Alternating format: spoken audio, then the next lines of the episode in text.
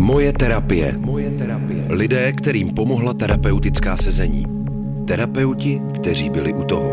Poslechněte si příběhy o tom, co může psychoterapie změnit. Moje terapie. Podcastová série Rádia Wave.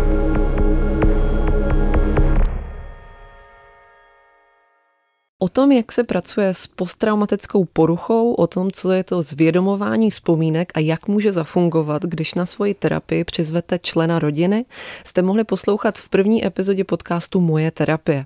Terapeutku Natálii Šváb Figuš, která v ní vystupuje, teď zdravím u našeho dodatečného rozhovoru. Dobrý den. Dobrý den. Mě by na úvod zajímalo, jak pro vás, Natálie, zafungovalo to, že jste se podcastu zúčastnila. A proč jste vlastně do toho šla a byla pro vás ta možnost si některé věci zrekapitulovat nějak přínosná?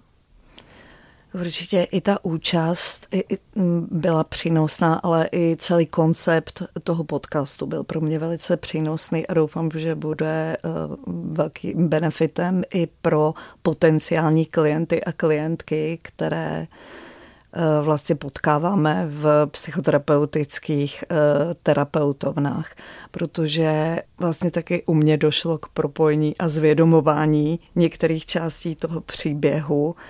A mm, velice zajímavá byla i konfrontace vlastně s mou klientkou, protože jsme natáčeli nebo nahrávali nezávisle, tak to bylo velmi zajímavé vlastně srovnávat chvilku jsem měla strach, že každá budeme mluvit o něčem úplně jiném a že ty benefity z té terapie pro nás budou uh, úplně na opačné straně, ale nakonec se to krásně propojilo. Čem si myslíte, že má Aneščin příběh eh, svoji hodnotu pro veřejnost? Aneščin příběh uh, má určitě obrovskou výpovědní hodnotu. Je to velmi jako nejen strastiplný, ale i zajímavý příběh z hlediska prožitého traumatu, z hlediska toho rodinného zpracování traumatu a i z toho, jakým způsobem vlastně ona teď žije a jak se vypořádává s tím, co se stalo. A mm, taky nám dává naději z hlediska posttraumatického růstu, že i když někdo prožije něco tak děsivého, straš, strastiplného, tak pak je možné vlastně se z toho dostat a žít víceméně normální kvalitní život. A taky samozřejmě hrozně důležité, že se o tom mluví a doufám, že oběti sexuálního zneužívání v dětství, které zažili podobný příběh, tak uh, udělají alespoň částečný coming out a výjdou se svým příběhem ven, protože to je jediné, co jim může zachránit od uh, trvalých následků. Vy jste vlastně při natáčení vyslovila jednu větu, která mě dost utkvěla a to je, že tajemství je destruktivní. Vlastně jste jí vystihla to, eh, že říct nejprve svojí rodině a potom dál vlastně eh, vystoupit veřejně je pro Anešku součást toho, jak se vypořádává s tím svým traumatem.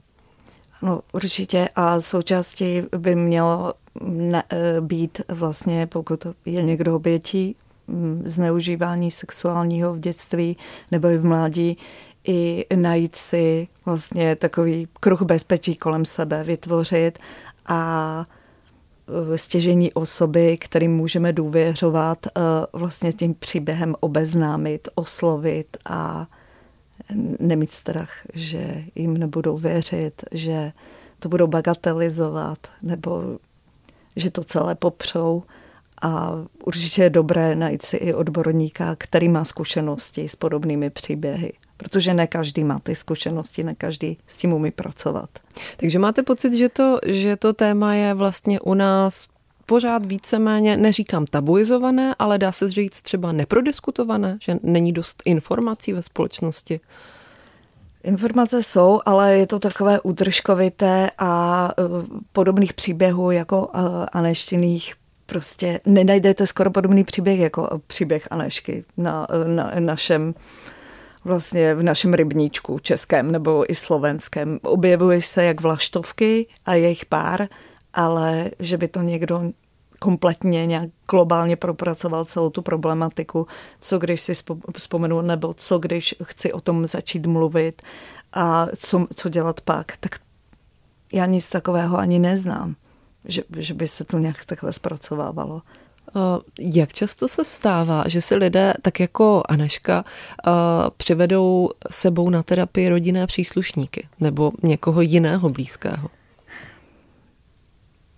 No pro mě nemoc často.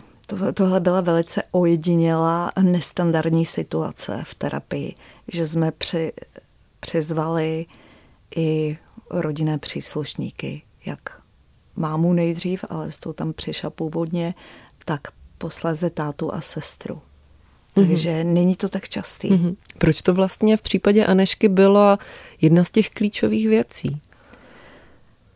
Vzniklo to v rodině, dlouhodobě se to odehrávalo v rodině, v rodině se to musí vyřešit a nějakým způsobem odpuštěním i pohřbít. Nepotlačit, ale nakonec vlastně si to musí odpustit vlastně každý z těch rodičů, i, i ta ségra, i když si nemá co odpouštět, i ta Aneška, takže musí celý, celý ten rodinný systém byl vlastně napaden tou infiltrací toho pachatele, toho zneužívání. Takže hmm. se to musí řešit rodině. No. Pracujete společně s Aneškou eh, třeba i na tom, aby se naučila líp eh, zvládat eh, situace během všedních dnů, kdy někdo třeba nevědomky její trauma připomene? Je to i takovýhle druh práce? V terapii o tom často mluvíme. Ono se to řetězí a když je člověk tak viktimizovaný v tak raném dětském věku, jak ona a v mládí, eh, tak vlastně může i nevědomně přitahovat potenciální pachatele. To, to je podstatou vlastně i to sekundární nebo i terciární viktimizace. A e, řešíme častěji i chování třeba profesorů ve škole, protože tam se objevují Eh, znovu prvky toho obtěžování a překračování veškerých hranic. Takže vlastně to každodenní eh, žití s, s tím posttraumatem je úplně nejtěžší. To si my ani neumíme představit, kteří tuhle historii za sebou nemáme. Jak je těžké žít. Vy se specializujete na posttraumatickou poruchu. Je to tak? Mohla ano. byste eh, krátce zhrnout, jakou praxi vlastně máte za sebou, jakou praxi poskytujete? Tak ta moje praxe je, trvá kolem 12 let, protože jsem z korporátní a personální sféry, vlastně HR, prošla zpátky a vrátila se do psychologie. Jsem původně klinická psycholožka, takže spíš byl odbočení, vlastně ten HR trh, to byl odbočení, ale uh, 12 let se zabývám vlastně traumatem a jeho následky, ale samozřejmě řeším cokoliv, úzkosti, deprese, vztahové krize, ale trauma to je jako moje hobby a takový zájem, který přerůstá vlastně celou tu, celou tou praxi. A Původně jsem se začala zabývat posttraumatickou stresovou poruchou u eh, generace druhé a třetí po holokaustu a pak se to přeneslo i na sexuální násilí, eh, trauma prožité prostě eh, ve vztazích, co se týče týrání, zneužívání vlastně i v manželství nebo v partnerských vztazích. A pak vlastně jsme, mám i klienty, co je šikanovali a prožili trauma v práci. Takže Vůbec nevím, proč mě ta traumatická porucha tak fascinuje, ale většinu těch klientů mám takových. No. Mm-hmm. Dalo by se popsat, jak vypadá taková první hodina s vámi, když se někdo odhodlá uh, přijít uh, k terapeutovi, který se takto specializuje? Co může čekat? No jelikož já jsem typ spíš extrovertního terapeuta, tak doopravdy není to žádná oťukávačka, ohmatávačka, není to mm, o prolomení ledu, ale v podstatě se za první hodinu a půl, protože to se znímám hodinu a půl až dvě, to první, eh, dozvím eh, většinu těch nejtíživějších věcí, eh, které, se kterými klient nebo klientka přichází. Takže podstatu toho příběhu, pak samozřejmě ty detaily zpracováváme na dalších desítkách sezení, ale jde skutečně o takovou spověď jungianskou, tu záplavu těmi informacemi eh, a prezentaci vlastně toho trauma, eh, traumatizujícího obsahu. Takže to první sezení bývá hodně živelné a taky eh, dynamické a někdo přijde s tím, že vůbec nebude, neví, nebude vědět, o čem má povídat, ale nakonec se dozvím skoro úplně všechno. No. Takže první sezení bývají náročná i pro mě, i pro toho klienta a pak eh, vlastně si připravíme plán, jak budeme postupovat. Mm-hmm, takže je to vyloženě podle toho plánu, je to tedy strukturované, nepostupuje to třeba tak podle toho, co toho klienta uh, zrovna napadá v těch jednotlivých sezeních? Eh, v podstatě je to i algoritmické, i heuristické, takže máme, mám plán, co dosáhnout, formulujeme tu zakázku hned na začátku, eh, na konci toho prvního sezení. Na začátku to není ani možné, protože nejdřív si musíme vyprávět ten příběh a pak formulujeme zakázku nebo víc bodů té zakázky a pak eh, já se snažím držet linii, nit, ale eh, klient vlastně vypráví a asociuje i podle sebe. Mm-hmm. A pak se vracíme znovu k té zakázce. Takže jdeme do minulosti, ke kořenům a pak se znovu vracíme tady a teď k současnosti. To je taková moje metodologie. Co by měl eh, člověk, který si hledá takového terapeuta, eh, vědět? Měl by být na něco připravený? Myslím tím, je třeba něco, na co lidé připravení nebývají? No je to hodně, na co lidé nejsou připraveni, hlavně na konfrontaci eh, se sebou samým nejsou připraveni, protože vlastně eh, ta sebereflexe a sebepoznání může být eh, ohrom, ohromně bolestivé. Takže mm-hmm. na to mm, není připravený skoro nikdo. Ehm, vlastně měl by si najít takového terapeuta nebo terapeutku, se kterým je schopný navázat uh, lidský vztah, opravdový lidský vztah a se kterým to i biochemicky klape. Prostě, že, že to tam prostě je ta energie mezi nimi a mají se svým způsobem rádi, protože s tím terapeutem nebo terapeutkou budou trávit hodně času, budou se bavit o velice bolestivých tématech když um, není lidem sympatický terapeut, terapeutka po prvních dvou, tří sezeních, tak je potřeba hledat dál. Nevzdat to, v žádném případě to nevzdat, ale hledat dál. Mm-hmm. To se asi stává často, že člověk vlastně narazí na prvního, který mu sympatický není a už to rovnou vzdá. Mm, to je strašná škoda tohle vzdát. Uh, stává se to, ale teď už lidi mají spoustu informací z internetu, ze sociálních sítí. Uh, mně většina klientů chodí na reference. Takže mm, chodí klienti z určitých komunit a ty doporučují dal, další a další klienty.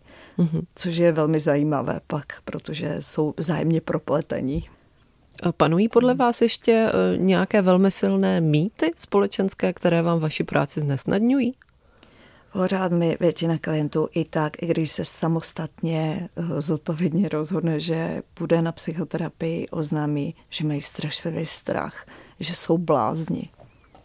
To je asi největší mýtus, který je ne, snad nevyvratitelný, ale postupnou destigmatizací a zveřejňováním článků, rozhovorů se už prostě otvírá pole a i k té psychoterapii, i k psychiatrii a začíná mezi mladší generací už být cool chodit na psychoterapii a mít vlastního vlastně šrinka nebo vlastního terapeuta. Takže doufám, že to bude pořád víc cool, protože ono je to cool, to sebepoznání. Je to skvělé, je to obrovské dobrodružství. Pokud to vztáhnu přímo na mm, sexuální zneužívání, Jakou osvětu by podle vás společnost potřebovala? Protože Aneška sama v té epizodě podcastu zmiňuje, že v dětství eh, slýchala nějaká varování, ale většinou to bylo takové to známé, neber si bombóny od cizích lidí, ale ty situace vlastně nakonec bývají úplně jiné. Nebývá to většinou nějaký cizí člověk, eh, který by si na dítě počkal před školou třeba. Přesně tak, pořád je tady mýtus toho úchyla eh, z hřiště. Ano, někoho ve křoví v kabátě. ve křoví v kabátě, které, to jsou velice ojedinělé úkazy. Většinou je to samozřejmě člověk blízký oběti. Někdy ten nejbližší, což je naprostá katastrofa, protože se tím naprosto mění pohled na bezpečnost v tom světě, když vám obližuje sexuálně ten nejbližší, třeba otec nebo očím, ale často je to rodinný přítel. Eh, v 85, víc než 85% je to eh, nejbližší pachatel, takže určitě obeznamování s tím, ale i všímavost a vnímavost k té nejbližší komunitě, i rodině, i vzdálenější rodině, i komunitě, jak školní, eh, tak kde vlastně lidi tráví volný čas, je prostě naším úkolem jako rodičů, ale i jako nerodičů třeba. Prostě měli by si všímat, když se někdo podivně chová a vlastně zamezit to, nebagatelizovat. Takže ty děti, které jsou zneužívané jako kluci, tak holky, i teď, i spousta dětí, i když o tom mluvíme, tak spousta dětí má strašlivý strach někam mít, protože tam bude ten, co je zneužívá tak eh, to potřebují, abychom my měli vnímavost a nepopírali to, že to není ono, on nebude hebefil. No prostě je to dost častý, takže to tak asi je. No. Eh, podle vás by ta terapie měla trvat ještě několik let. Dá se tak výhledově zhruba říct, eh, co bude ještě třeba odpracovat? Odpracovat je bude za ta léta potřeba zejména, aby to nenarušovalo každodenní žití. Prostě ten běžný provoz, aby se minimalizovaly flashbacky, ty traumatizující vzpomínky na to, co se událo, aby se nespojovala každá dovolená s tím, že může dojít opět k situaci zneužívání. A aby v podstatě vyhasly tyhle reflexy, které ona o těch šesti let má. A myslím, že tam je spousta práce i v běžném provozu. Aneška žije bohatým životem i vnitřním, i navenek a přináší nové a nové materiály do terapie a nové a nové obsahy a souvislosti si uvědomuje propojené s tím primárním traumatem, jak se odzrcadlují teď ta léta po pro, eh, ten, té prožité katastrofě. Takže ta psychika je zranitelná a je potřeba s tím pracovat, ale je potřeba pracovat i s duší, i s tělem. To je to samé na fyzioterapie třeba, co se týče těch dalších uh, tělesných příznaků, které byly narušeny vlastně tím dlouhodobým zneužíváním. Takže je to celková péče taková globální o ten o toho postiženého nebo o tu postiženou, když, když to obecně vemu. No. Když se ještě zeptám eh, celkově na druh klientů, který k vám chodí, mění se to nějakým způsobem mm, v čase? Eh, dají se tam vysledovat nějaké tendence třeba v poslední době? Poslední době mnohem víc klientek přichází s eh, tématikou sexuálního obtěžování buď v dětství nebo mládí. Takže určitě se to mění, eh, stupňují se požadavky třeba na vytvoření skupiny sebezkušenostní, kterou bych vedla i s kolegyní, aby vytvořili skupinu a mohli o tom mluvit v bezpečném prostoru a v rámci skupinové dynamiky se nějak dál posouvat. Takže to sexuální násilí se tam objevuje stále častěji, nejen u žen, ale i u mužů. Mm-hmm, takže to naznačuje, že část lidí se přestává uh, bát o tom mluvit. Určitě a zase je to i tím, že pracuju s určitými typ, typy komunit, které vzájemně si dávají reference, takže když má asi někdo jiný typ problému, tak jde za někým jiným. Takže já mám jenom Jasně. opravdu omezenou klientelu, na které to můžu pozorovat, ale stoupají určitě úzkosti rovněž, ale to spolu i souvisí. No. Ty úzkosti, teď je takový rok panických ataků, jsem zjistila, že každý z mých klientů nečekaně prožil několik panických ataků, což je taky zajímavé, že najednou je to takhle, takže to už někdy i žartujeme, jako nadlehčujeme, nebagatelizujeme situaci, že prostě panickou ataku dát do konce roku 2019 nad každým Každý. úzkostný klient. Jsou podle vás ještě nějaká témata, mm, o kterých byste si přála třeba větší prodiskutovanost ve veřejném prostoru? Mám tím na mysli, kdyby třeba vznikaly eh, další díly eh, podcastu Moje terapie nebo podobných projektů, eh, které typy třeba potíží nebo diagnóz by zasloužily dneska větší prostor? Určitě ta úzkostná porucha. Jak generalizovaná, tak úzkostně depresivní porucha, tak panické ataky nebo úzkostní porucha s panickým atakem. Protože to je obrovský problém. Celkově mluvit o úzkosti a o jejich projevech, jak fyzických, tak e, psychických, tak i spirituálních, protože člověka to mnohem, mnohem brzdí, je strašně důležité. Hlavně teď, když je ta doba taková smutná, nálada blbá, tak e, spousta lidí je zúzkostněných, takže já bych mluvila o úzkosti obecně. Mm-hmm, aby se to nebralo, že je to normální, aby se no. o tom uh, mluvilo. Normální to rozhodně není. No. Je to smutné, ale není to normální. Ještě se zeptám na závěr, co by podle vás pomohlo dnešním českým eh, terapeutům při jejich práci?